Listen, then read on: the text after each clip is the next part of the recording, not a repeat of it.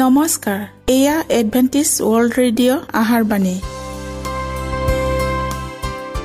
ষোল্ল মিটাৰ বেণ্ডত সোতৰ হাজাৰ আঠশ দহ কিলো হজত।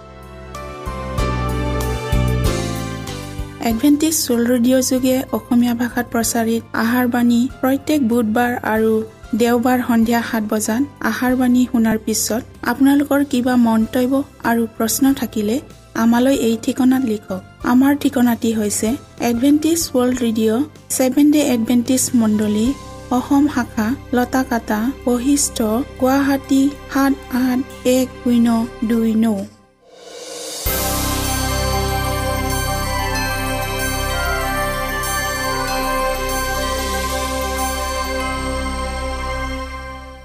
প্ৰিয় শ্ৰোতা বন্ধুসকল এতিয়া শুনো আহক এটি খ্ৰীষ্টীয় ধৰ্মীয় গীত।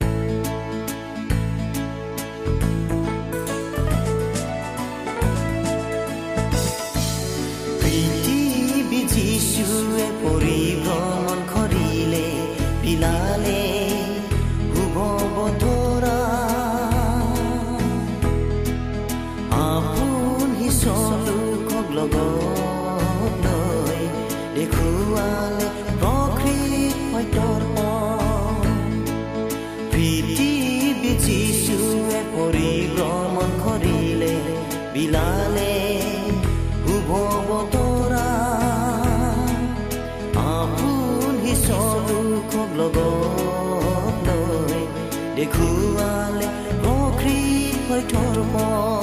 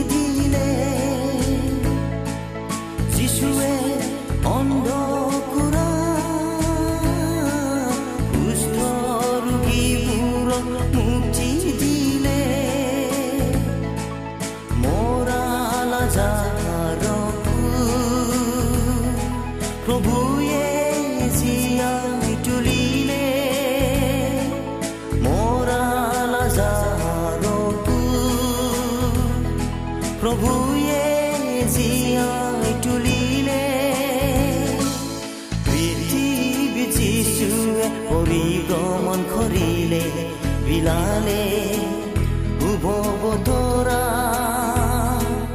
আপুনি চলোকক লগত দেখুৱালে প্ৰকৃত সত্যৰ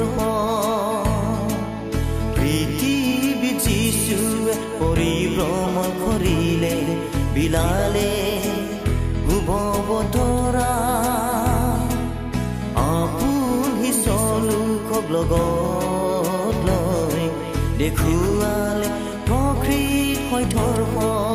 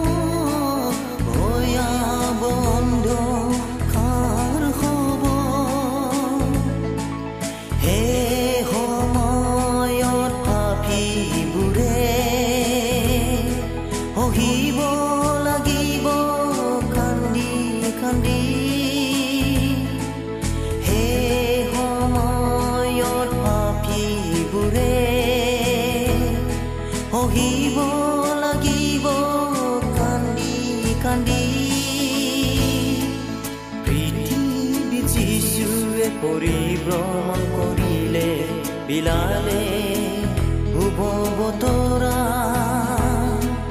আপুনি চলোকক লগত লৈ দেখুৱালে প্ৰকৃত হয়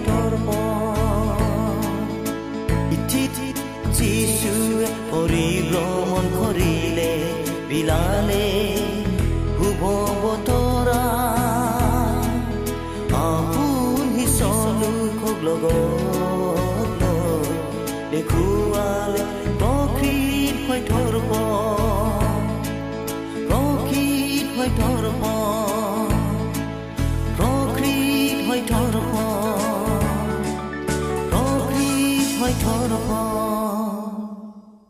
প্ৰিয় শ্ৰোতা বন্ধুসকল আহক আমি খন্তেক সময় বাইবেল অধ্যয়ন কৰোঁ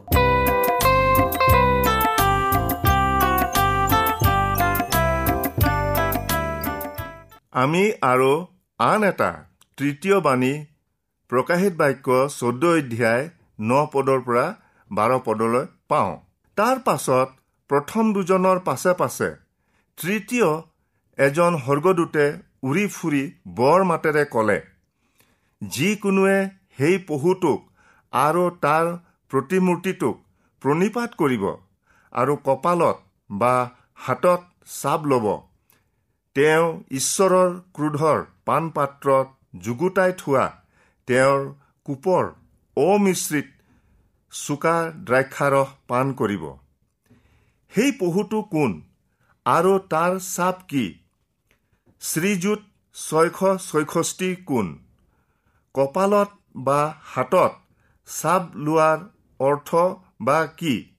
আমি চাওঁ হওক বিশেষকৈ এই চাপটো কি আমি জনা অতি আৱশ্যক। কিয়নো ঈশ্বৰে কৈছে এই চাপ লোৱা মানুহৰ পতন নিশ্চিত। আনহাতে মানুহে কৈছে এই চাপ নললে তেওঁ কিনা বেচা কৰিব নোৱাৰিব। সেয়ে এই গুৰুত্বপূৰ্ণ বিষয়টো অৰ্থাৎ পহুটোৰ চাপ জনা অতি প্ৰয়োজন। ঈশ্বৰৰ আজ্ঞাৰ বাধ্যতা হোৱা লোকবিলাকৰ লক্ষণ জোহনে দৰ্শনত দেখা পাইছিল। এই হেতুকে ঈশ্বৰৰ আজ্ঞা পালন কৰা আৰু যীশুৰ প্ৰতি বিশ্বাসী হৈ থকা পবিত্ৰ লোকবিলাকৰ বাবে ধৈৰ্যৰ প্ৰয়োজন আছে। ইয়াত যীশুৰ প্ৰতি বিশ্বাসীবিলাকে সেই পহুৰ চাপ নললে তেওঁবিলাক সেই মহাবেশ্যা বাবিলৰ পৰা ওলাই আহিল আৰু সেই মহাবিচাৰৰ দিনৰ নিমিত্তে যুগুত হ'ল। ইয়াৰ বাবেই তেওঁলোকক বৰ্ণনা কৰি কোৱা হৈছে ঈশ্বৰৰ আজ্ঞা পালন কৰা আৰু যীশুৰ প্ৰতি বিশ্বাসী হৈ থকা পবিত্ৰ লোকবিলাক। যেতিয়াই কোনো ব্যক্তিয়ে ঈশ্বৰৰ মাত শুনি সেই মহাবেশ্যা বাবিলৰ পৰা ওলাই আহিব তাৰ পাছত তেওঁ কলৈ গতি কৰিব? আহক শেষৰ দিনত ঈশ্বৰৰ সত্য মণ্ডলীৰ তিনিটা ক্ষণিক দৃষ্টিৰে প্ৰকাশ কৰিছে। তাৰ পাছত আকাশত এটা বৃহৎ আৰু আচৰিত দৃশ্য দেখা গ'ল। সূৰ্যক পিন্ধা আৰু ভৰিৰ তলত চন্দ্ৰ আৰু মূৰত বাৰটা তৰাৰ কিৰিটি থকা এনে এজনী তিৰোতা তাত দেখা গ'ল। আমি কেৱল এটা সিদ্ধান্তলৈ আহোঁ যে প্ৰকাশিত বাক্য বাৰ অধ্যায়ত তিৰোতাজনীৰ প্ৰতীকেৰে দৰ্শনত দেখুওৱা দৃশ্যটো যীশুখ্ৰীষ্টৰ একমাত্ৰ সত্য মণ্ডলী তিৰোতাজনীৰ ভৰিৰ তলত থকা চন্দ্ৰটোৱে মুচিৰ যুগ বা চাহস্বৰূপ যুগক বুজায়। সূৰ্যই খ্ৰীষ্টীয় যুগৰ পোহৰক বুজায়। পাপৰ পৰা মুক্তি পাবৰ অৰ্থে যি মেৰ পোৱালি বলিদান কৰা হৈছিল এই আটাইবিলাক কালবাৰী ক্ৰুচত সিদ্ধ হোৱা প্ৰকৃত বলিদানলৈ আঙুলিয়াই দেখুৱাই দিছিল। ভৰিৰ তলত থকা চন্দ্ৰ আৰু মূৰৰ ওপৰত থকা সূৰ্যই মুচিৰ যুগ অতিক্ৰম কৰি সম্পূৰ্ণ খ্ৰীষ্টীয় যুগৰ আৰম্ভণিক বুজায়। সেয়ে ইয়াত ঈশ্বৰৰ সত্যমণ্ডলীক খ্ৰীষ্টীয় যুগত অংকিত কৰি দেখুৱাইছে। তিনি পদত আকাশত আন এটা আচৰিত দৃশ্য আমি দেখিবলৈ পাওঁ। সাতোটা মূৰ আৰু দহোটা শিং থকা আৰু প্ৰত্যেকটো মূৰত একোটাকৈ কিৰিটি থকা প্ৰকাণ্ড ৰঙা নাগ এটা তাত আছিল। ন পদত এই ৰঙা নাগটোৰ নাম উল্লেখ আছে। পাছে সেই প্ৰকাণ্ড নাগক অৰ্থাৎ দিয়াবল বা ছয়তান নামেৰে প্ৰখ্যাত যি পুৰণি সাপে গোটেই জগতখনকে বিপথে নিছিল তাক পৃথিৱীলৈ পেলাই দিয়া হ'ল। প্ৰকাশিত বাক্য বাৰ অধ্যায়ত আমি খ্ৰীষ্ট আৰু ছয়তানৰ মাজত হোৱা ঘূৰ বিবাদৰ বৰ্ণনা পাওঁ। কেনেকৈ ছয়তানে ঈশ্বৰৰ মণ্ডলীক ধ্বংস কৰিবলৈ চেষ্টা কৰিছে? ছয় পদ আৰু চৌধ পদত ঈশ্বৰৰ মণ্ডলী এক হাজাৰ দুশ ষাঠি দিনলৈ অৰ্থাৎ মৰুভূমিত লুকাই থকাৰ ছবিখনে প্ৰমাণ কৰে যে ঘূৰ অন্ধকাৰে পুপীয় শক্তিৰ দ্বাৰাই পাঁচশ আঠত্ৰিছ খ্ৰীষ্টাব্দৰ পৰা সোতৰশ আঠানব্বৈ খ্ৰীষ্টাব্দলৈ প্ৰকৃত সত্যক কেনেকৈ সুদীৰ্ঘ দিন ধৰি ঢাকি ৰাখিছিল। প্ৰকাশিত বাক্য বাৰ অধ্যায় ছয় পদৰ কথাখিনি মন কৰক।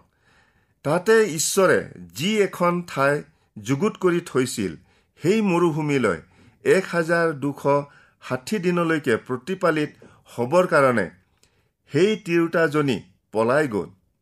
জিজকেল ভাওবাদীৰ দ্বাৰাই কোৱা হৈছে মই এক এক বছৰ তোমাৰ নিমিত্তে এক এক দিন কৰিলোঁ। সেয়ে ইয়াত এক হাজাৰ দুশ ষাঠি দিনে এক হাজাৰ দুশ ষাঠি বছৰ বুজায়।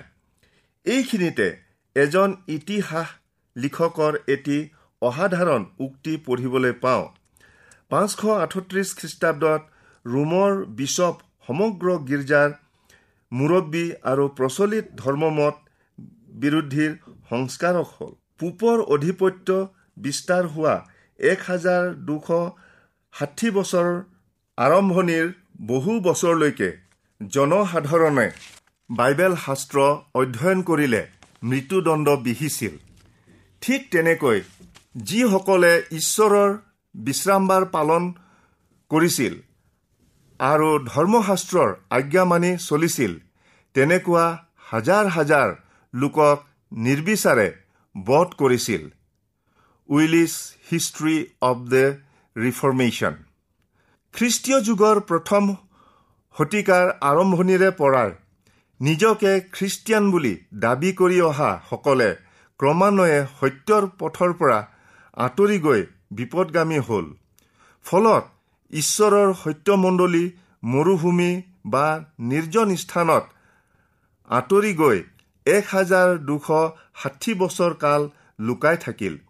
সেয়ে পাঁচশ আঠত্ৰিছ খ্ৰীষ্টাব্দৰ পৰা সোতৰশ আঠানব্বৈ খ্ৰীষ্টাব্দলৈ এই কালচোৱাত ঈশ্বৰৰ সত্যৰ অনুগামীসকলক জগতে চিনি পোৱা নাছিল। তেওঁবিলাক আনৰ দৃষ্টিত আচহুৱা হৈ পৰিছিল। তেওঁবিলাকে পৰ্বত আৰু পৰ্বতৰ গুহাবোৰত লুকাই বাস কৰিছিল।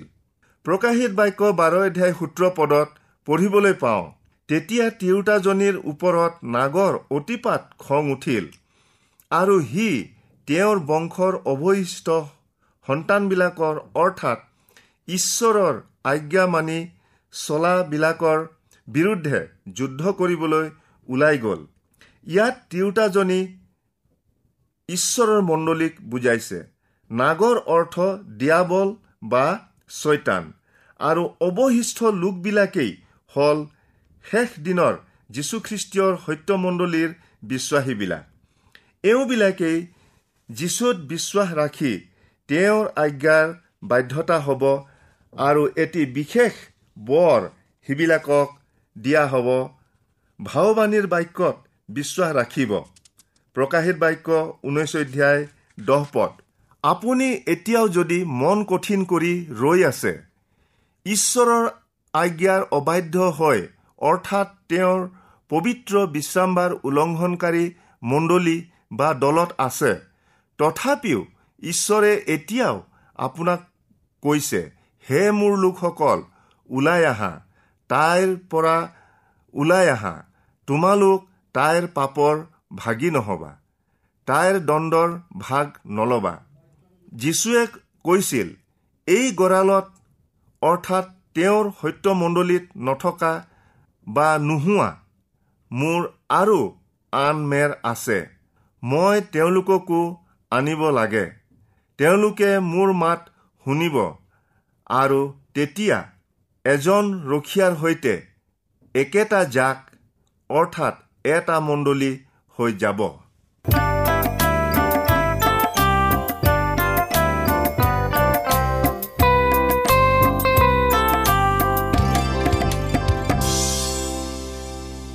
ইমানপৰে আমি বাইবেল অধ্যয়ন কৰিলোঁ। এতিয়া আকৌ শুনো আহক এটি খ্ৰীষ্টীয় ধৰ্মীয় গীত।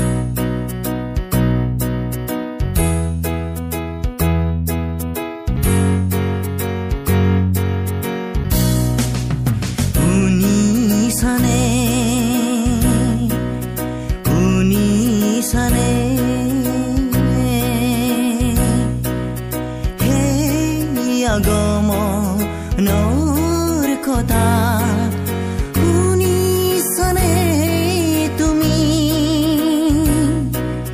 সেই আগমনৰ কথা শুনিছানে তুমি অনুভৱ কৰিছানে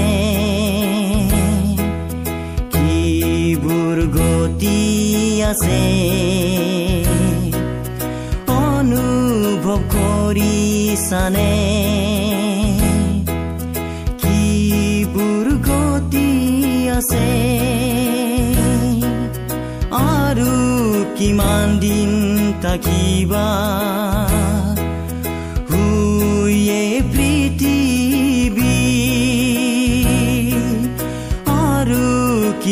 দিন থাকিবা শুয়ে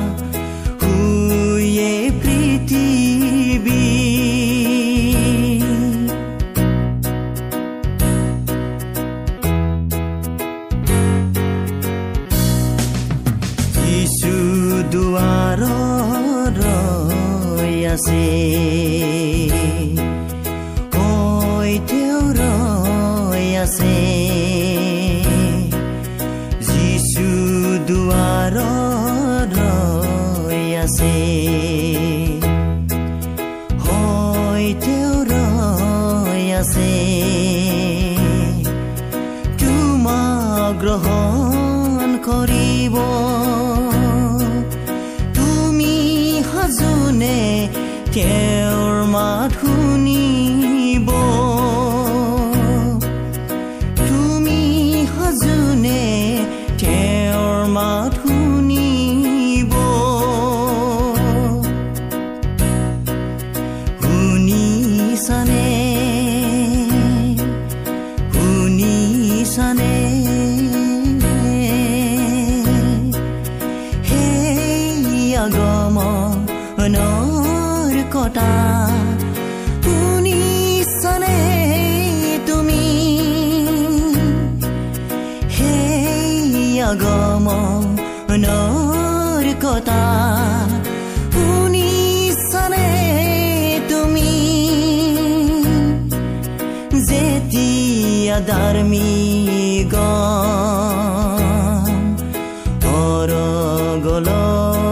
যাব।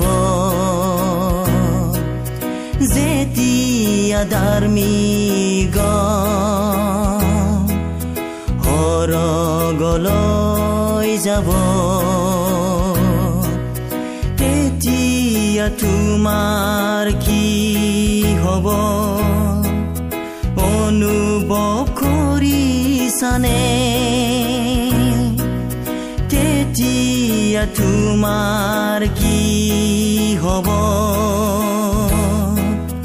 অনুভৱ কৰিছানে? যিচু দুৱাৰ আছে। হয় তেওঁ ৰৈ আছে। যিচু দুৱাৰ আছে।